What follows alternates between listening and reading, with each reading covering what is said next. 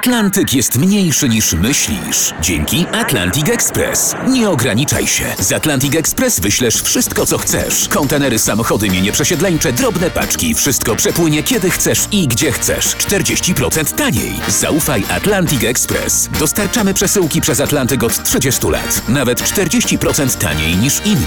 Dzwoń 1 800 775 73 63. Ekspresowo przez Atlantyk. Tylko z Atlantic Express. Wielkie emocje, wielkie wydarzenia i muzyka, która zatrzęsła światem.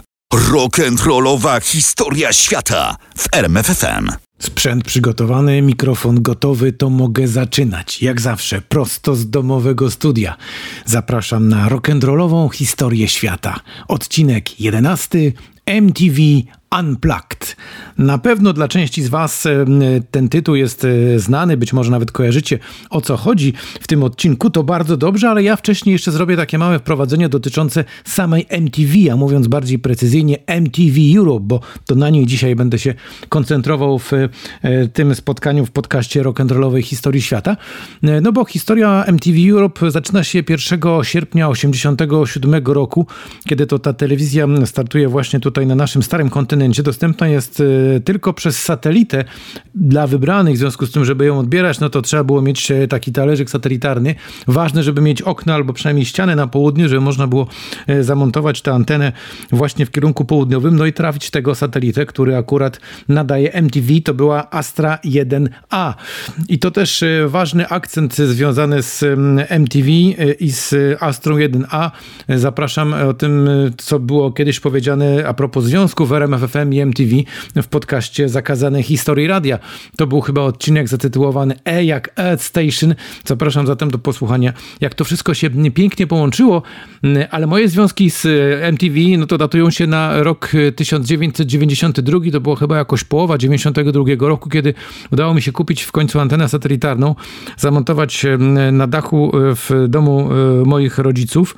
No i włączyłem i odebrałem wtedy MTV po raz pierwszy w życiu. Nawet pamiętam, że pierwszym klipem, który się pojawił na ekranie, kiedy podłączyłem satelitę do telewizora, to był kapitalny kawałek zespołu Red Hot Chili Peppers Under the Bridge. No i potem przez wiele lat z wielką przyjemnością korzystałem z MTV, no bo to było przede wszystkim źródło świetnych muzycznych informacji, świetnych muzycznych kawałków. Nieraz było tak i tu się można do tego przyznać, to nie będzie żaden wstyd, że przecież nagrywałem te kawałki z MTV, e, bo one przecież były emitowane w stereo, e, po to, żeby je potem e, zagrać w radio, żeby ludzie też mogli posłuchać tego, co gra MTV i to dziś jest chyba dość oczywiste, że w takich czasach wtedy to było takie prawdziwe okno na muzyczny świat można było przekonać się, czym żyje świat, e, o czym mówią artyści, jak e, wyglądają, no i przede wszystkim, jakie są nowe kawałki. No i też MTV w tamtych czasach bardzo mocno kreowała przede wszystkim ten e, obraz telewizji, telewizji muzycznej, te kapitalne programy, jakie mieli w ramówce, czy MTV News, Headbangers Ball, to program dla miłośników takiego solidnego rocka, czy też nawet metalu, Yo MTV Raps, czy Most Wanted, program z Royem Cokesem, gdzie wtedy latał po studio facet z taką lekko nieustabilizowaną kamerą, to była wtedy naprawdę prawdziwa telewizyjna rewolucja i to właśnie MTV wprowadzało no bez mała 30 lat temu, więc to też już pokazuje jak ten świat telewizyjny, jak ten świat muzyczny się zmienił, bo przecież dzisiaj MTV to M w nazwie MTV już niestety, przynajmniej dla mnie, nie znaczy w pełni tylko i wyłącznie muzyki, a ta wtedy była w latach 90. tą najważniejszą częścią MTV i to dzięki niej można było czerpać te wszystkie wspaniałe muzyczne inspiracje.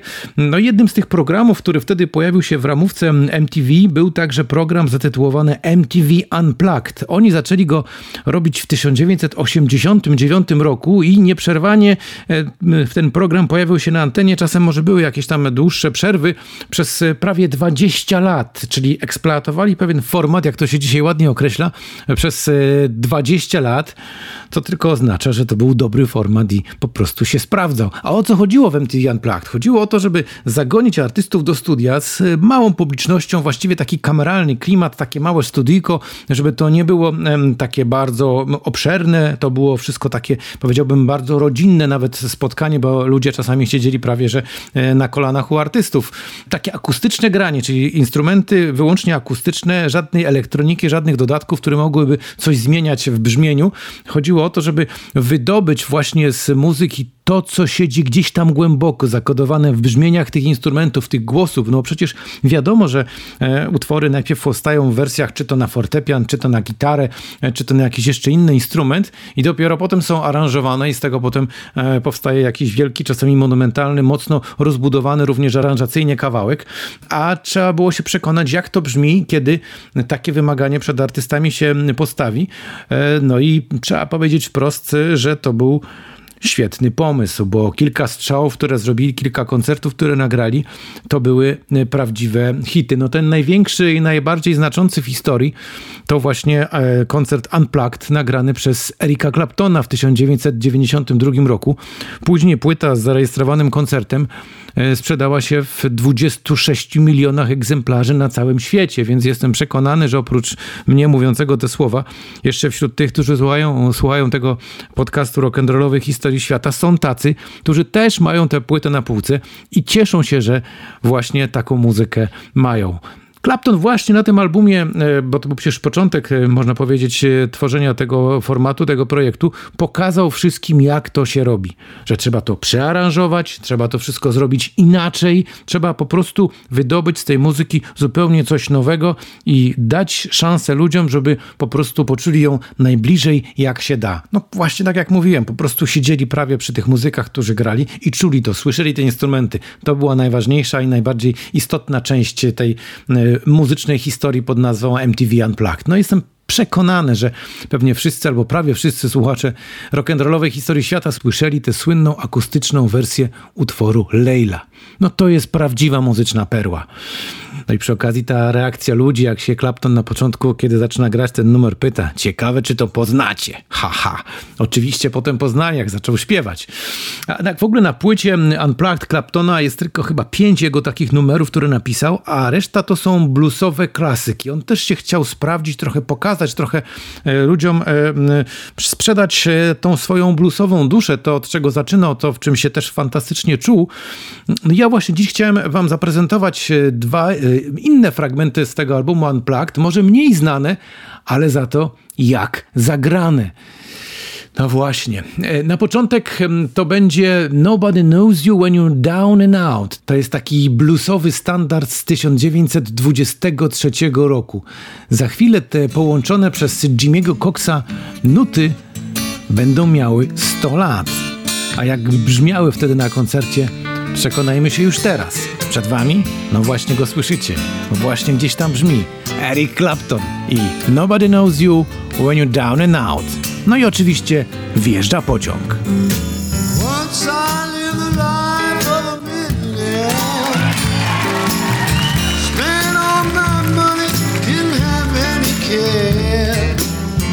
Took all my friends out bootleg liquor, champagne and wine. Then I began to fall so low. Lost all my good friends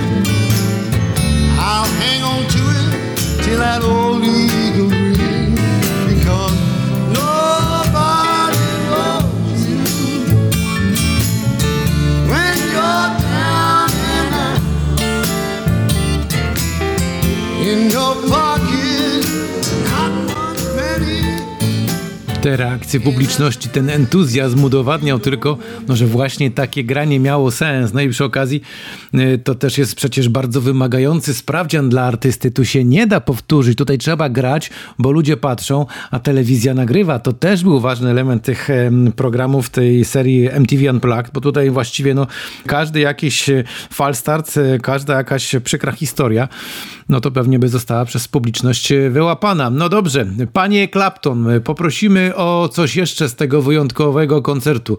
Może na przykład moja ulubiona Alberta? Ha! No to niech leci. Jeszcze jedno blusidło. Właśnie teraz. W rock'n'rollowej historii świata.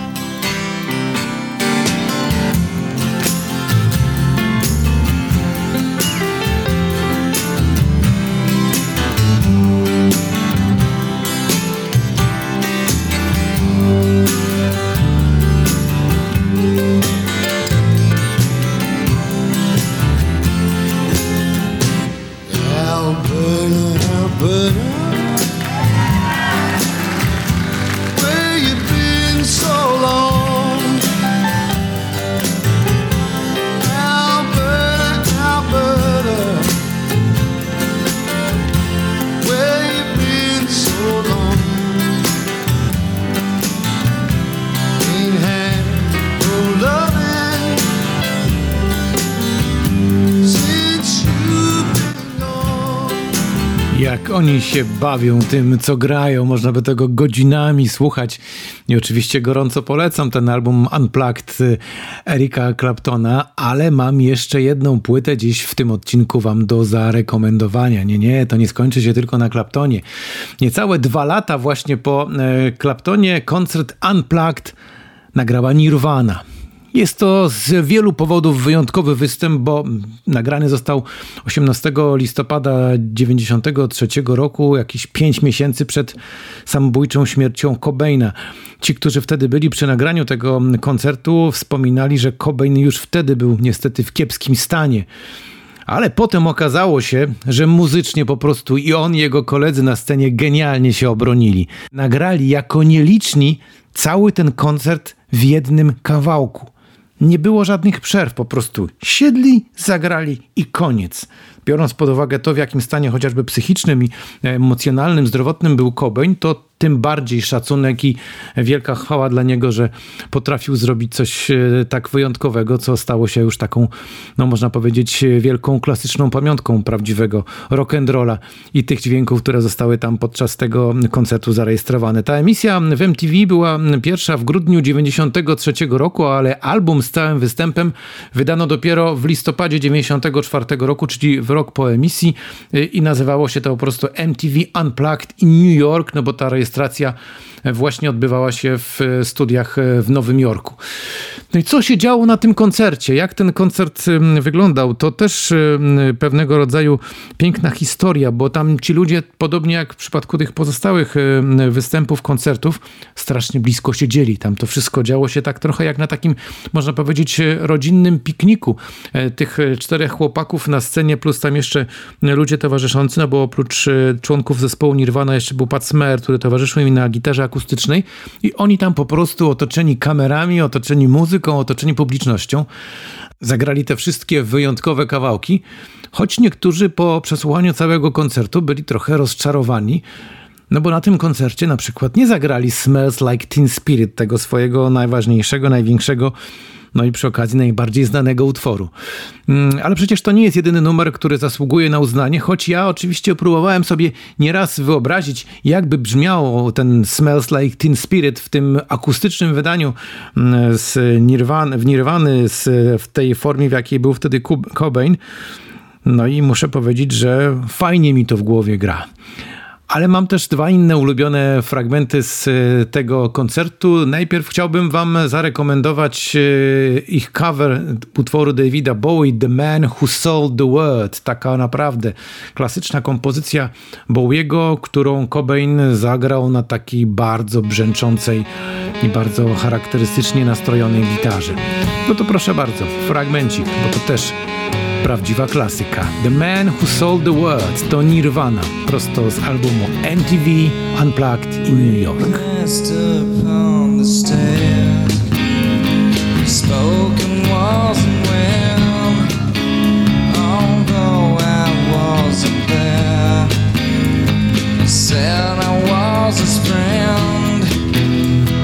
Came as a surprise.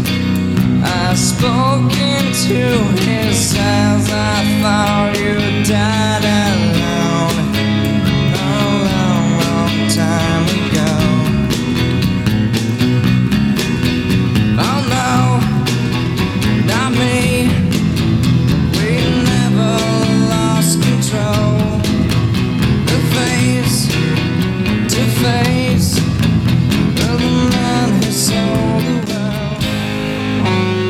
David Bowie po wysłuchaniu tej wersji był zachwycony.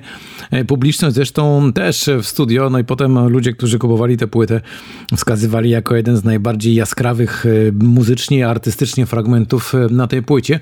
Ktoś też przy okazji powiedział takie ważne zdanie dotyczące właśnie tego utworu, że ta piosenka nabrała również nowego znaczenia po śmierci Cobaina.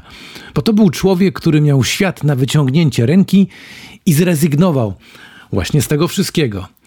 I właśnie taki człowiek, pełen emocji, wewnętrznych problemów, bólu, potrafił w tej muzyce przekazać to, co go trapi. Potrafił się trochę w niej może nawet i odnaleźć, potrafił przekazać te wszystkie emocje, i to było widać i słychać na tym koncercie. Może widać to za dużo powiedziane, bo on tam taki trochę momentami przygaszony siedział, ale też był mocno skoncentrowany na, na instrumencie i na tym, żeby być może nie, trochę się nie pomylić, czy też nie zepsuć czegoś, bo skoro założyli sobie, że grają to wszystko w jednym kawałku, no to też potem powtarzanie całości na pewno nie byłoby specjalnie dla wszystkich komfortowe. No i tu będzie taki kapitalny przykład e, na te emocje, które potrafił przekazać w muzyce w utworze zatytułowanym Where Did You Sleep Last Night? Pod koniec tego utworu ta jego chrypa i brzmienie głosu to jest trochę tak jak w Oh Darling u Beatlesów śpiewane przez McCartneya ze zdartym gardłem. Mam tu nawet taki fragmencik tego Oh Darling, żebyście sobie mogli porównać. No to go teraz zagramy. Panie McCartney, prosimy. Oh, Johnny, please believe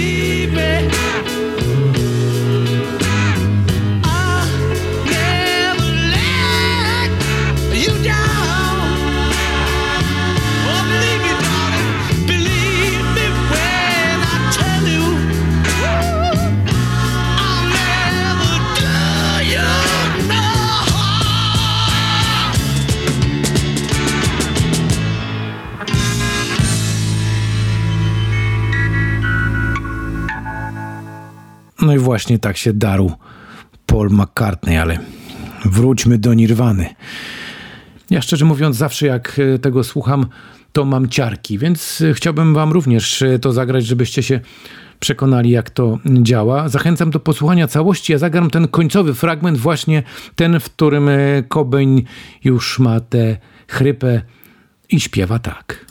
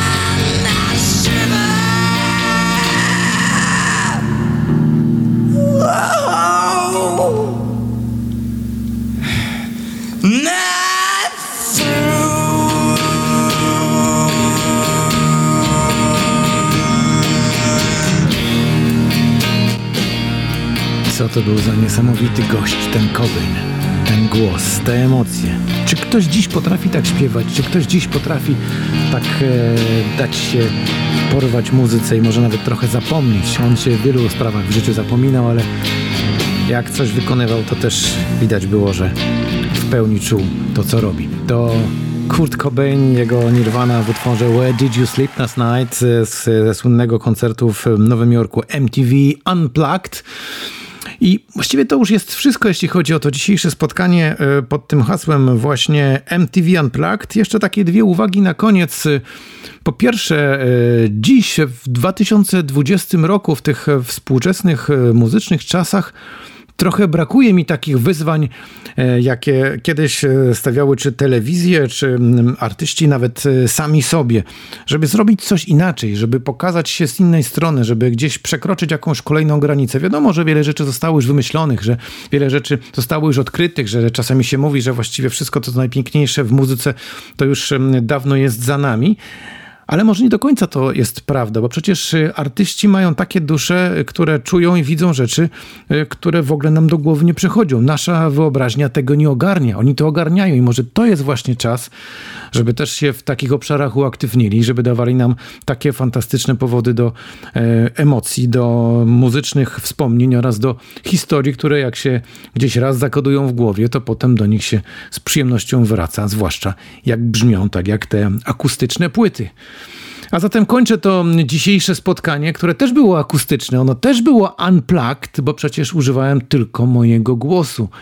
Nie było żadnej dodatkowej elektroniki, no może poza komputerem i sprzętem, który wiadomo, że to nagrywa, ale całość była unplugged. No żadnych innych instrumentów nie używam, bo nie umiem, ale jedyne co potrafię używać to mój głos i mam nadzieję, że on we właściwej formie i nastroju dotarł do was, przekazując to, co najważniejsze z rock'n'rollowej historii świata. A ona powróci do was, ta rock'n'rollowa historia świata, w kolejnym odcinku zatytułowanym The Circle and the Square. Brzmi intrygująco? To dobrze. To do usłyszenia.